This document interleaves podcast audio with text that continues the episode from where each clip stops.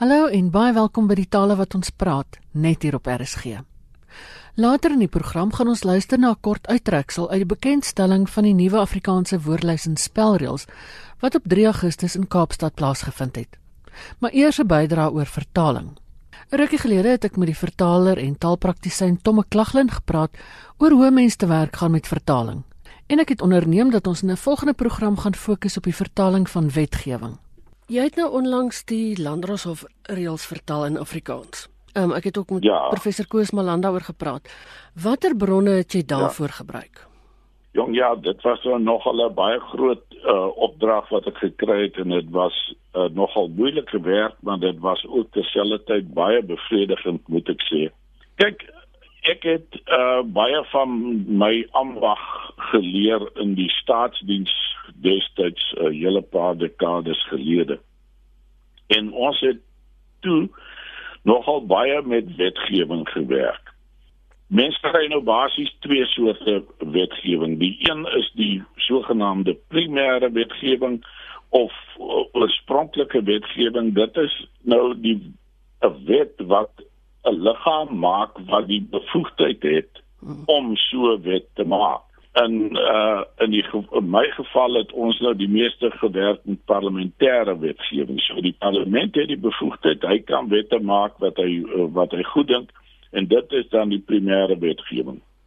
Maar nou is daar dikwels uh word daar in die wet 'n bepaalde bevoegdheid oorgedra aan iemand anders. Sê net maar dit gaan nou oor die polisie, dan kan die parlement 'n wet maak oor die polisie, maar in die wet word gesê die kommissaris van polisie kan sekere regulasies of reëls maak, fyner besonderhede wat uit die wet voortspruit. En dit word dan nou sekondêre wetgewing of ondergeskikte wetgewing genoem. Nou uh die eerste ding wat my jy vra nou wat watse bronne het ek gebruik vir die ehm um, vir die landrosofreels. Ja. Die eerste ding wat 'n mens moet doen is jy moet gaan na die wet wat uh sê daar mag reëls gemaak word. En in die geval is dit die wet op landroswilwe en hy kom al uit 1944 hy is natuurlik al male sonder tal gewysig en aangepas uitgebrei, maar dit is jou eerste bron. Jy moet daar soontoe gaan. Dan ehm um, is ek geleer en of dit nou deurgangs nog vandag toegepas word, kan ek nou nie sê nie, maar ek het geleer dat as daar bestaande wetgewing is wat uh, gewysig word of aangepas word of waarop uitgebrei word, dan moet 'n mens nie onnodig daaraan gaan torring nie. Jy moet dit soveel as moontlik gebruik. So wat ek gedoen het is ek het by 'n vriend van my wat 'n prokureur is, 'n praktiserende prokureur, het vir my 'n bundel gegee met van die ou landrosofreëls, want onthou nou vroeër dae was die vereiste dat alle wetgewing in Afrikaans en Engels gepubliseer moet word. Na 1994 het al die ander tale natuurlik nou bygekom en in die proses het die Afrikaanse landrosofreëls het het die slag gebly. Ek, ek kan nie sê ek is werklik nie seker of dit ook in een van die ander inheemse tale vertaal is nie, maar dit is in elk geval die jongste stel is nie in Afrikaans beskikbaar nie. So baie van die reëls wat nou nog weer geld het in die verlede ook gegeld al is dit dan nou net met 'n bietjie aanpassing. En daarom het ek baie sterk daarop staat gemaak uh die die die ou hofreëls. Dan kyk die mens ook na uh ander soorte hofreëls byvoorbeeld die wat in die Hooggeregshof gebruik word of in die in die arbeidshof of vir die grondeise hof of so iets.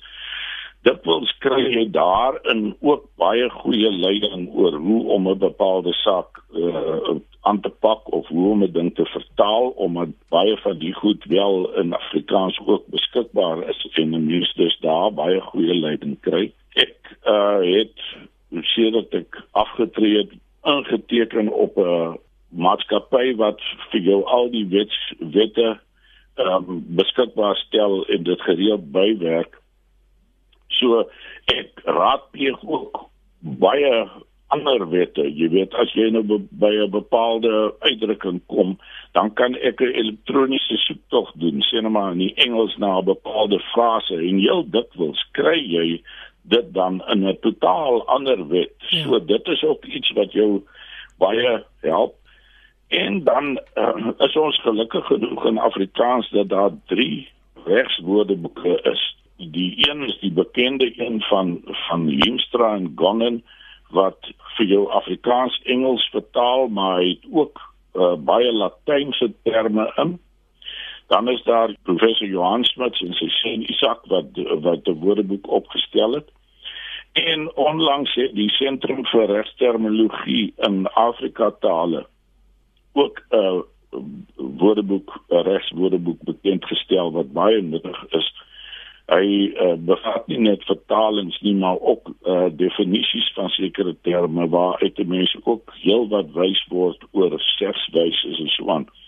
So ja, dit is maar wetgewing, bestaande wetgewing, ou wetgewing, woordeboeke ehm um, en dan natuurlik uh, regsgeleerdes ook. Ek uh, het byvoorbeeld agtergekom in die landroshof-reëls dat daar vir die Engels claim as 'n as 'n selfstandige naamwoord claim en claims word daar twee woorde gebruik in Afrikaans. Die een is eis wat 'n mens nou sou uh, verwag en die ander een is 'n woord wat dink ek nie eintlik meer baie lewend is in die in die Afrikaanse taal nie en dit is vordering maar ek bedoel nou buite die die regspraktyk. Ja. So wat ek in daai geval gedoen het is ek het 'n paar professore in die reg genader en gesê luister, help my hier die goed verskil baie partykeer praat die Afrikaans van uh, vordering en ander kere weer van eis is daar 'n verskil tussen die twee.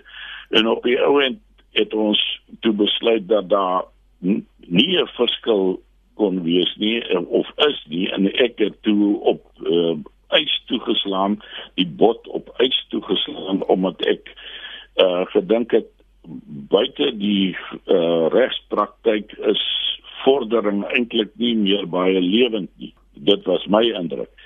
So uh, ek het ook uh, regsgeleerdes geraadpleeg om om my te help. Hm.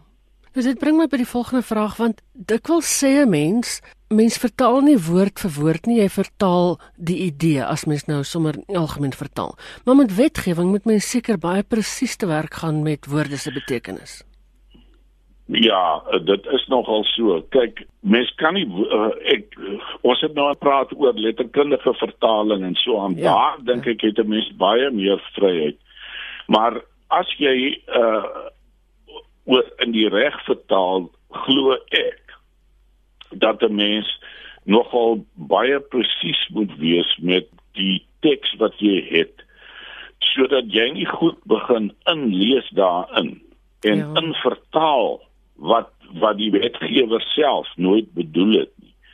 So dit is nogal uh belangrik dat 'n mens so versigtig as moontlik moet wees om die bedoeling van die wetgewer so ver moontlik absoluut noukeurig weer te gee. Ehm um, kyk die teorie is in elk geval dat 'n amptelike vertaling het dieselfde status as die oorspronklike teks. En as daar 'n verskil oor op 'n bepaalde punt sou ontstaan, dan eers gaan 'n mens na die oorspronklike teks toe terug. Uh in die geval van nie amptelike vertalings Nou ja, dan is dit natuurlik 'n uh, uh, punt waaroor 'n mens kan redeneer, maar die 'n mens moet nog steeds probeer om die twee tekste so naby aan mekaar te hê dat hulle absoluut dieselfde ding sê. Jy moenie die een weier stel as die ander of enger stel as uh, as die oorspronklike nie. Uh jy weet dit het ook 'n doodgewoon 'n baie praktiese ding en dit is dat 'n mens jou sinstrukture goed so moet aanpas dat die nommerstelsel absoluut kan ooreenstem. Want uh jy uit die aard van die saak kan jy nie die manier waarop jou brontaal se teks genommer is anders in die vertaling nie en daarvoor uh, word 'n mens baie keer gedwing om uh, maar bietjie ek sê sê die taal geweld aan te doen nie in in in teendeel maar jy moet 'n uh, manier bedink waarop jy nog altyd aan jou doeltaal se idioom kan getrou bly sonder dat jy byvoorbeeld jou sinstrukture so verander dat die nommers nou nie meer kan ooreenstem nie. So dit is dit is nog 'n belangrike ding. Iets wat ek sommer net aangedink het, Latyn is nie meer eintlik 'n voorvereiste nie, maar tog is daar baie Latynse frases in wetgewing. Word dit behou? Wat maak mens daarmee? Ja, uh, kyk Latyn word soms nog gebruik, maar deesdae eintlik uh, 'n bietjie minder as in die verlede. Ehm um, en snaaks genoeg, jy weet jy mens sal uh, miskien in aan op ander terreine in die in regstekste meer Latyn teekom, sien maar 'n verklaring wat 'n prokureur opstel of 'n of kontrak wat hy opstel of so iets sal 'n mens heel dikwels meer Latyn kry as in die wetgewing self. In die wetgewing is dit maar volgens my uh, ervaring is dit maar baie die die doodgewone goed soos sê nou maar ex officio of uh, ad hoc of ja. so iets jy weet wat die doodgewone goed en uh, dit word eenvoudig net so behou dit word gewoonlik nie vertaal in 'n uh, 'n ander in 'n ander taal nie. So, sê die die gebruik uh van die latyn in een taal sê hulle maar sê uh, algemeen is maar nie ander een nie oh, en daar uh 'n deeglike betale of vertaling bestaan maar uh, normaalweg word dit eenvoudig behou. Sou jy sê die vertaling van wette te bepaalde uitdaging vir 'n mens vir 'n vertaler en wat is dit? O, beslis, beslis. Uh die uh, uh, uh, dit is iets waar ander mense as dit ware moet gewoond raak. En ek moet sê ek is baie gelukkig in die sin dat ek onder mense geleer het wat al jare lank vertroud was uh, met die manier waarop dinge gesê word in wetgewing. Nie net die wette nie maar ook die ondergeskikte wetgewing. En daar sekere uh, formulerings wat wat amper standaard is en daar sekere goed waarvoor jy op kyk moet wees. Jy weet jy versigtig moet wees. En ehm um, ek dink nou maar sommer aan iets soos ownership wat nie sommer sonder meer eienaarskap is nie. Jy weet dis 'n dis 'n eiendomsreg en sulke soort van goed waar waaroor 'n mens jy moet daarop attent gemaak word en jy moet as dit ware die soort van goed aanleer ja. met verloop van tyd. Ja. So daar is baie definitief uh, uh, uitdagings wat gestel word.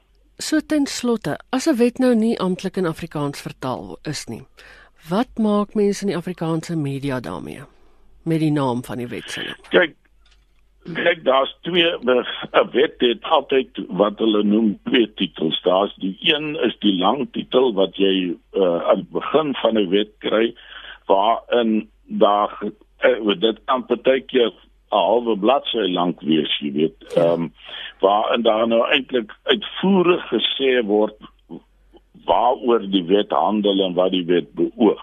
Dit word 'n lang titel genoem. En dan is daar die kort titel en dit is gewoonlik in die laaste of tweede laaste uh artikel van die wet word dan gesê jy kan hierdie wet die volgende noem of hierdie wet heet so en so, jy weet. Nou wanneer hy wel vertaal is in in Afrikaans dan uh, sal ek altyd probeer uitvind wat is die ehm uh, die kort titel van daai wet in Afrikaans want die lang titel word eintlik nooit gebruik nie. Uh maar die kort titel uh word word gebruik sodat 'n mens jy weet die die ding op die baba op sy naam noem. As hy nie in Afrikaans vertaal is nie, dan staan dit 'n mens natuurlik vry om om die vertaling te maak wat jy wil. 'n Baie bekende voorbeeld is die National Credit Act wat nie in Afrikaans uh, vertaal is amptelik nie, maar wat algemeen in die pers bekend staan nasionale kredietwet. Nou ja, jy weet ek sal as ek met wetgewing self werk, nooit so 'n nie amptelike naam gebruik nie. Ja. Dan moet jy die dan haal jy die die Engelse korttitel aan in 'n Afrikaanse wet. Maar vir die algemene gebruik is dit dan uh, heeltemal in orde want dit dit het dan nie regskrag of regsimplikasies as jy uh, jou eie titel maak nie. Ek kan miskien uh, byvoeg dat ek geleer het toe soos ek sê toe ek my ambag geleer het in uh, op die terreine is ek geleer dat die die woorde wat uh, wat die wet gebruik absoluut belangrik is in jou ondergeskikte wetgewing en in die geval van die uh landroshowe dis miskien 'n interessante punt. In die geval van die landroshowe gee die wet aan 'n hof die bevoegdheid om sienemaar 'n hof op 'n ander plek of in 'n ander land te vra om getuienis af te neem. Sienemaar van 'n getuie wat nie in Kaapstad die hof kan uh, bywoon nie dat iemand in uh Europa sienemaar getuienis aflê en dit word dan deur 'n uh, amptenaar daar gedoen. En in die ou landroshof reëls is dit die Afrikaanse naam gegee van die van getuienisnemende kommissies. Hm. En dit is natuurlik 'n pragtige woord en hy is, is baie verklarend. Maar die wet self gebruik die die woord rogatore kommissie.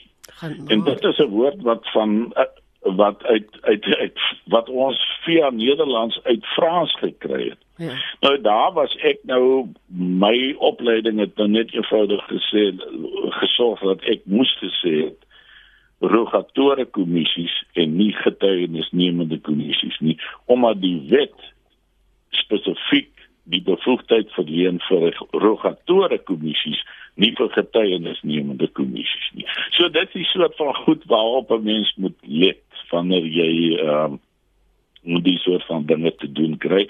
Ek dink baie mense wat met die reëls werk sal waarskynlik 'n bietjie ongelukkig wees daaroor, maar ek bevrees dis hoe dit werk. Dit was die vertaler en taalpraktisyn Tomme Klaglin. Verlede donderdag op 3 Augustus is die 11de Afrikaanse woordlys en spelreëls bekend gestel. Hierdie gesprek onder leiding van Magdalene Creur is regstreeks op RSG uitgesaai. Hier is 'n kort uittreksel uit daai gesprek wat handel oor die belangrikste veranderinge wat aangebring is. Eerste aan die woord is 'n taalkommissielid, Celine Pilon, en daarna die voorsitter, professor Gerard van Huisteen. Ons het 'n hoofstuk geskryf oor leestekens wat 91 reëls in het en dit hopelik bereël alles wat gebruikers wil weet oor hoe om leestekens te gebruik. So die grootste hoeveelheid reëls het bygekom as gevolg van daai nuwe hoofstuk. Daar is dan nog 'n nuwe hoofstuk by wat gaan oor trappe van vergelyking. Die het net 8 reëls in. Is 'n bietjie van 'n teleurstelling van 'n hoofstuk, maar maar ehm um, omdat trappe van vergelyking nogal sistematies werk in Afrikaans. So ons het toe nou die twee hoofstukke by en dit is so daar 99 nuwe reëls bygekom as gevolg van die twee hoofstukke. Dan is daar ook 'n deel wat handel met uh, wanneer jy met oor rand en sent skryf. Mense is altyd uh, moet ek sê 'n punt of 'n komma. Sê net maar dis 50 rand 20 sent. Dan sit jy die R tekentjie vooraan en 50 0,00. Uh, Party mense sê .00. Wat sê die woordlys en spelreëls? So die woordlys sê daar daar moet 'n komma kom en daar is 'n hoofstuk. Die hoofstuk se naam is getalle, syfers en simbole waar ons vir gebruikers probeer leiding gee oor hoe 'n mens te werk gaan wanneer jy syfers en getalle en simbole ehm um, gebruik. En dit is nie net die AWS wat dit vir jou sê nie. Hierdie goed word per, uh, by wet voorgeskryf in Suid-Afrika. So dis nie nou sommer ons wat besluit, ooh, 'n komma lyk mooi nie.